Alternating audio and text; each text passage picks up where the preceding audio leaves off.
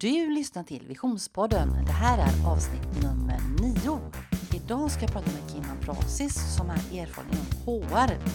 Det kanske är så att du funderar på om du ska anställa någon nu när du känner att din firma växer. Och hur gör man då? Går man till en rekryteringsfirma eller anställer man själv? Är ditt företag i tillväxtfas och du behöver anställa någon mer på ditt företag? Hur gör man då? Du kanske funderar på om du ska göra det själv. Har du tid med det? Eller behöver du ta hjälp av en rekryteringsfirma? Idag ska vi lyssna på Kim och höra hennes bästa tips kring detta.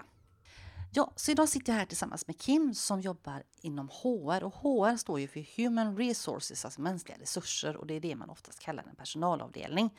Men jag tänkte istället för att jag ska sitta och prata så här mycket så tänkte jag låta Kim presentera sig själv. Ja, men tack snälla att jag får vara här. Det känns eh, jättekul att få dela med mig av den här kunskapen eller erfarenheten som jag snappat upp här genom eh, åren. Men som svar på din fråga, Kimma Prasis var ju namnet. Eh, jag har en bakgrund inom HR-rekrytering då. Min akademiska resa började inom beteendevetenskap. Sen började jag jobba som operation support, alltså ett finare ord för kandidatansvarig. Gick vidare till konsultchef, sen rekryterare och nu jobbar jag då i inhouse rekrytering. Så det var lite kort eh, om min bakgrund då. Det här avsnittet ska handla lite om tipsa företagare hur man nu gör då om man växer och behöver anställa någon då. Då tänkte jag det är ju jättesmart att ta hit dig och fråga som jag vet jag har träffat så många människor och så. Och, och, då tänker jag så här ibland att ja, men om jag ska anställa någon till min byrå då kanske jag ska använda mig av så här firma då för de är ju lite mer erfarna än vad jag är och har träffat kanske mer människor och kanske inte går på de här vinerna som jag gör då när jag som anställd då. Men, ja, men så är, tänker man så här, vad kostar det? Är det inte ganska dyrt? Eller vad ligger ett pris på hos en bemanningsföretag? Mm, ja, men precis. Det kan ju kosta. Oh, det, det beror verkligen på vilken typ av eh, tjänst det är och inom vilket område. Men jag skulle säga att en rekrytering ligger mellan 40 till 100 000. Och då pratar vi inte bemanning utan eh, alltså en kostnad då för en rekrytering av en person då. Ja, okej. Okay. Ja, just den här bemanning, det är jag som inte kan terminologin. Jag tänker för att anställa då. Och det är klart att jag kan tänka mig att det i priset är det säkert väl värt för vissa tjänster. Där, där, behöver man säkert ha det. Men jag tänker på min lilla byrå nu, min redovisningsfirma, så har jag ju inte den ekonomiska möjligheten då. Jag kan tänka mig en del lyssnare kanske ligger till här också då. Eh, och då tänker jag så här, då, då känner jag, ja jag ringer och så får jag ett pris på 40 000 och känner det fixar inte jag riktigt. Utan då får jag nog anställa själv då. Och då tänker jag, kan du ge mig lite tips hur jag ska göra då? Ja, nej, men det gör jag gärna. Jag skulle säga så här, det första jag tror att man tänker att det här är ingen rocket science. Det, jag får höra det så ofta när jag har varit ute hos kunder och sen vet jag efteråt när de säger till mig Jag är så glad att du varit med i den här processen. Det är som sagt eh, lite att tänka på, för vi jobbar ju med människor. Det är ju en människa du har framför dig. Det gäller också att tänka på det som kan också vara bra att veta med rekrytering. Det är ju väldigt viktigt att det är fördomsfritt. Det gäller också att du hittar, tittar på kompetens och liknande. Men mina tips då börja med att skriva en kravprofil. Vad är det jag söker? Vad är viktigt för mig i den här rollen? Det spelar ingen roll om det bara är du på ditt företag. Ta en lapp och skriv ner, alltså, eller dator då, vi är ju digitaliserade idag. Så kan det vara bra att eh, skriva ner. Och då börjar du alltid med kravprofilen. Vad är de hårda värdena? Vad behövs det i den här tjänsten? När du har liksom säkerställt eller liksom eh, konstaterat med dig själv då vad det är du behöver så är det också viktigt att tänka vad är det för typ av personlighet jag vill få in? Vill jag ha någon som är, som är själv, som jag kan ta en kaffe med om man är nu ensam eller ett mindre bolag? Eller vill jag få in någon som kanske är helt annorlunda? Så att man skriver ner den här kravprofilen oavsett om du är själv på ditt företag eller om ni är flera. Det här är din bibel sen. Den här måste du gå efter. Din religion brukar jag skoja lite om. För att sen under rekryteringsgång eh, så är det lätt att träffa folk som man tycker är jättecharmiga, jättetrevliga och så tycker man att henne eller han ska jag ha.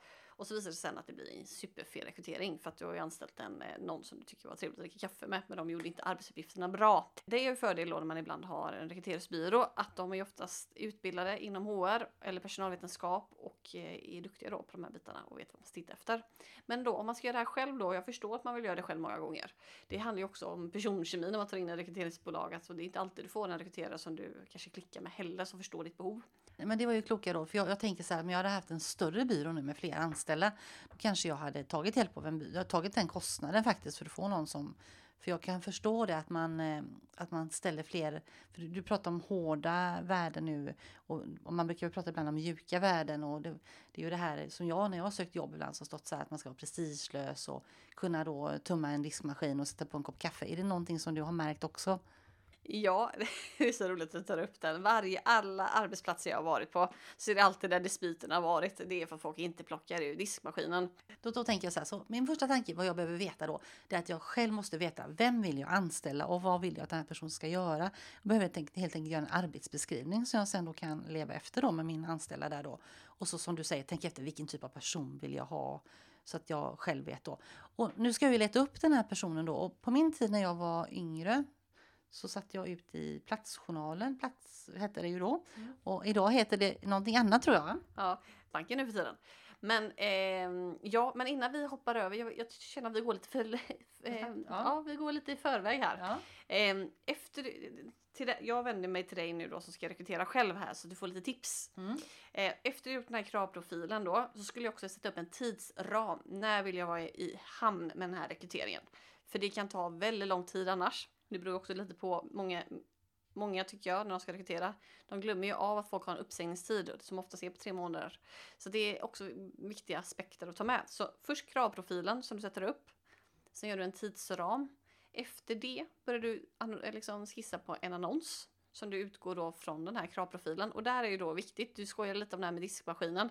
Man kan ju såklart inte skriva en annons att jag vill ha en eh, 40-årig snygg kvinna som tömmer diskmaskinen om det är det du söker. Skämt åsido här nu, men, eh, men det är faktiskt väldigt viktigt också att, ehm, att rekrytera fördomsfritt. Att gå på kompetensen och liknande. Annonsen behöver också vara tydlig, alltså var ärlig. Skriv inte, det är så många som skriver, vill du börja på världens bästa arbetsplats, vill du ha ett eh, roligt varierande jobb och så kanske det inte är roligt varierande. Sen tycker jag inte heller man får vara för stel i annonserna, eh, det är en smaksak, men jag tycker var realistisk. För då kommer ombordningen, det kommer, rekryteringen kommer sannoliken bli bra då. Vad många gör fel det är att de ska skriva så checka annonser. Problemet är ju då, det måste ju spegla verkligheten. Är det ganska tuff arbetsplats? Är det ganska monotona arbetsuppgifter? Ja, men säg inte då att det här är världens roligaste jobb, för då kommer inte du få rätt person. Då börjar jag förstå lite mer här nu då. Och sen då, var sätter man ut de här annonserna? Ja, och då skojar vi lite om detta då att eh, ett ställe då, det är Arbetsförmedlingen, Platsbanken då, som på din tid hette Platsjournalen. Mm. jag tycker det är lika roligt. Sen då, eh, det beror på hur eh, snål den är eller eh, hur, eh, hur man är som person då när man ska rekrytera eller liksom lägga ut sina annonser. Det finns flera gratissidor. Du har betalannonser också, men det finns ju också sociala medier eh, och jag skulle faktiskt rekommendera LinkedIn. Det är ju ett av mina favoritforum. Men vadå, du tar upp det? För jag har ju de senaste avsnitten nu pratat om sociala medier. Mm. Och där har jag även nämnt LinkedIn. Men jag är ju inte så, ja jag finns där men jag är inte jättebra på LinkedIn. Kan du berätta lite grann varför du tycker LinkedIn är så bra? Mm, men nu kommer vi ifrån lite tipsen om eh, hur man ska rekrytera. Men det, jag kan absolut hoppa in med... Bara lite kort och så sen varför. För då kanske du kan knyta ihop till när man rekryterar där då. Mm. Ja, nej men, alltså, när jag började med LinkedIn, det är flera år sedan, då var ju algoritmen helt annorlunda än vad det är idag. Nu är de, eftersom det går så bra för LinkedIn så eh, kostar det lite mer att vara med idag. Men du kan fortfarande som företag ha en gratis profil och som privatperson, du kan fortfarande lägga ut en eh, annons gratis. Sen finns det också då betala varianter men LinkedIn är ju då ett forum där du både kan som kandidat och företagare eh, utlysa dina tjänster. Och på det sättet kan man ju då hitta rätt kompetens utan att för den delen ta betalt för en annons. Men LinkedIn också, jag tycker också det är ett fantastiskt eh, forum. Alltså inte många förknippar det med bara du vet, söka jobb.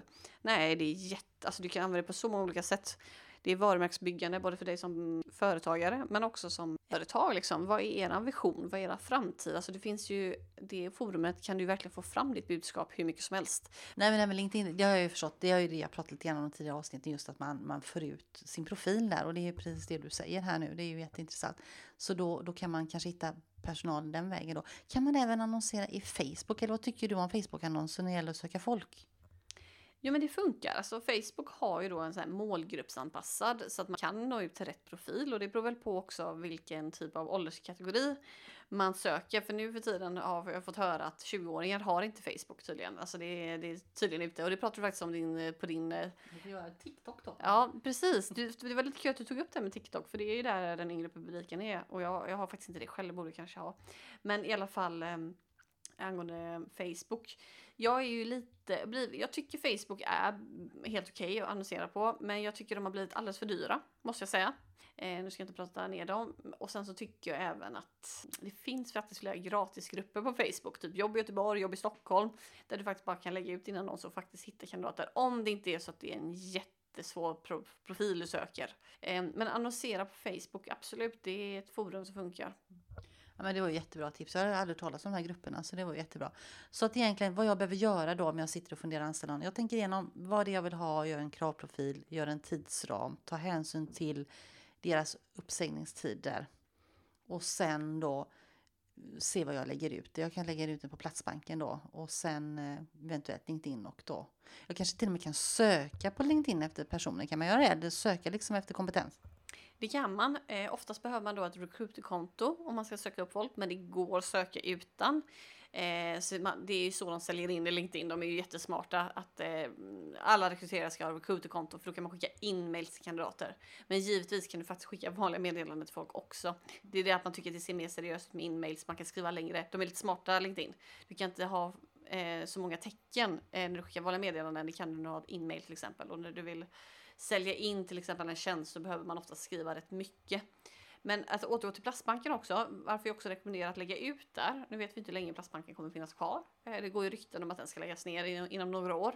Men det är ju hörsägen. Det som är fördelen när man lägger ut det på Plastbanken är att den får den här spindelspridningen. Så det hamnar även på Indeed, som är ganska bra att synas på också eh, automatiskt. Och sen brukar den oftast hamna på LinkedIn och andra ställen. De här gratissidorna. Ja men det här var ju jättebra tips. Nej, men då tror jag att jag vet ungefär hur jag ska göra för att lägga ut eh Ja, jag tror nog att jag har lite pejl på läget. Och sen mun mot mun-metoden kanske funkar bra också, eller vad tror du om det? Ja, men djungeltelegrafen är alltid, man ska aldrig underskatta den. Men jag glömde också säga det med plastbanken, det kan vara bra att veta att du kan inte lägga ut annonser hur som helst om du inte har en profil på Arbetsförmedlingen. Den är gratis, men du måste liksom registrera ditt företag. Du måste skriva in eh, alla uppgifter och liknande innan du kan lägga ut annonser. Man kan inte bara gå in och lägga ut en annons, utan du måste ha en företagsprofil på Arbetsförmedlingen. Det är jätteenkelt, men det tar några dagar innan man får det via posten faktiskt den här koden sen för att kunna skriva in ditt lösenord första gången. Sen så är det allt, sen kan du alltid vara inloggad. Men det kan vara tips om du inte har funnits där tidigare som företag innan du kan lägga ut annonser på Platsbanken. Okej, men vad bra att du sa det. Så då är det, ja, man kanske, det kanske är ett bra sätt att börja i alla fall.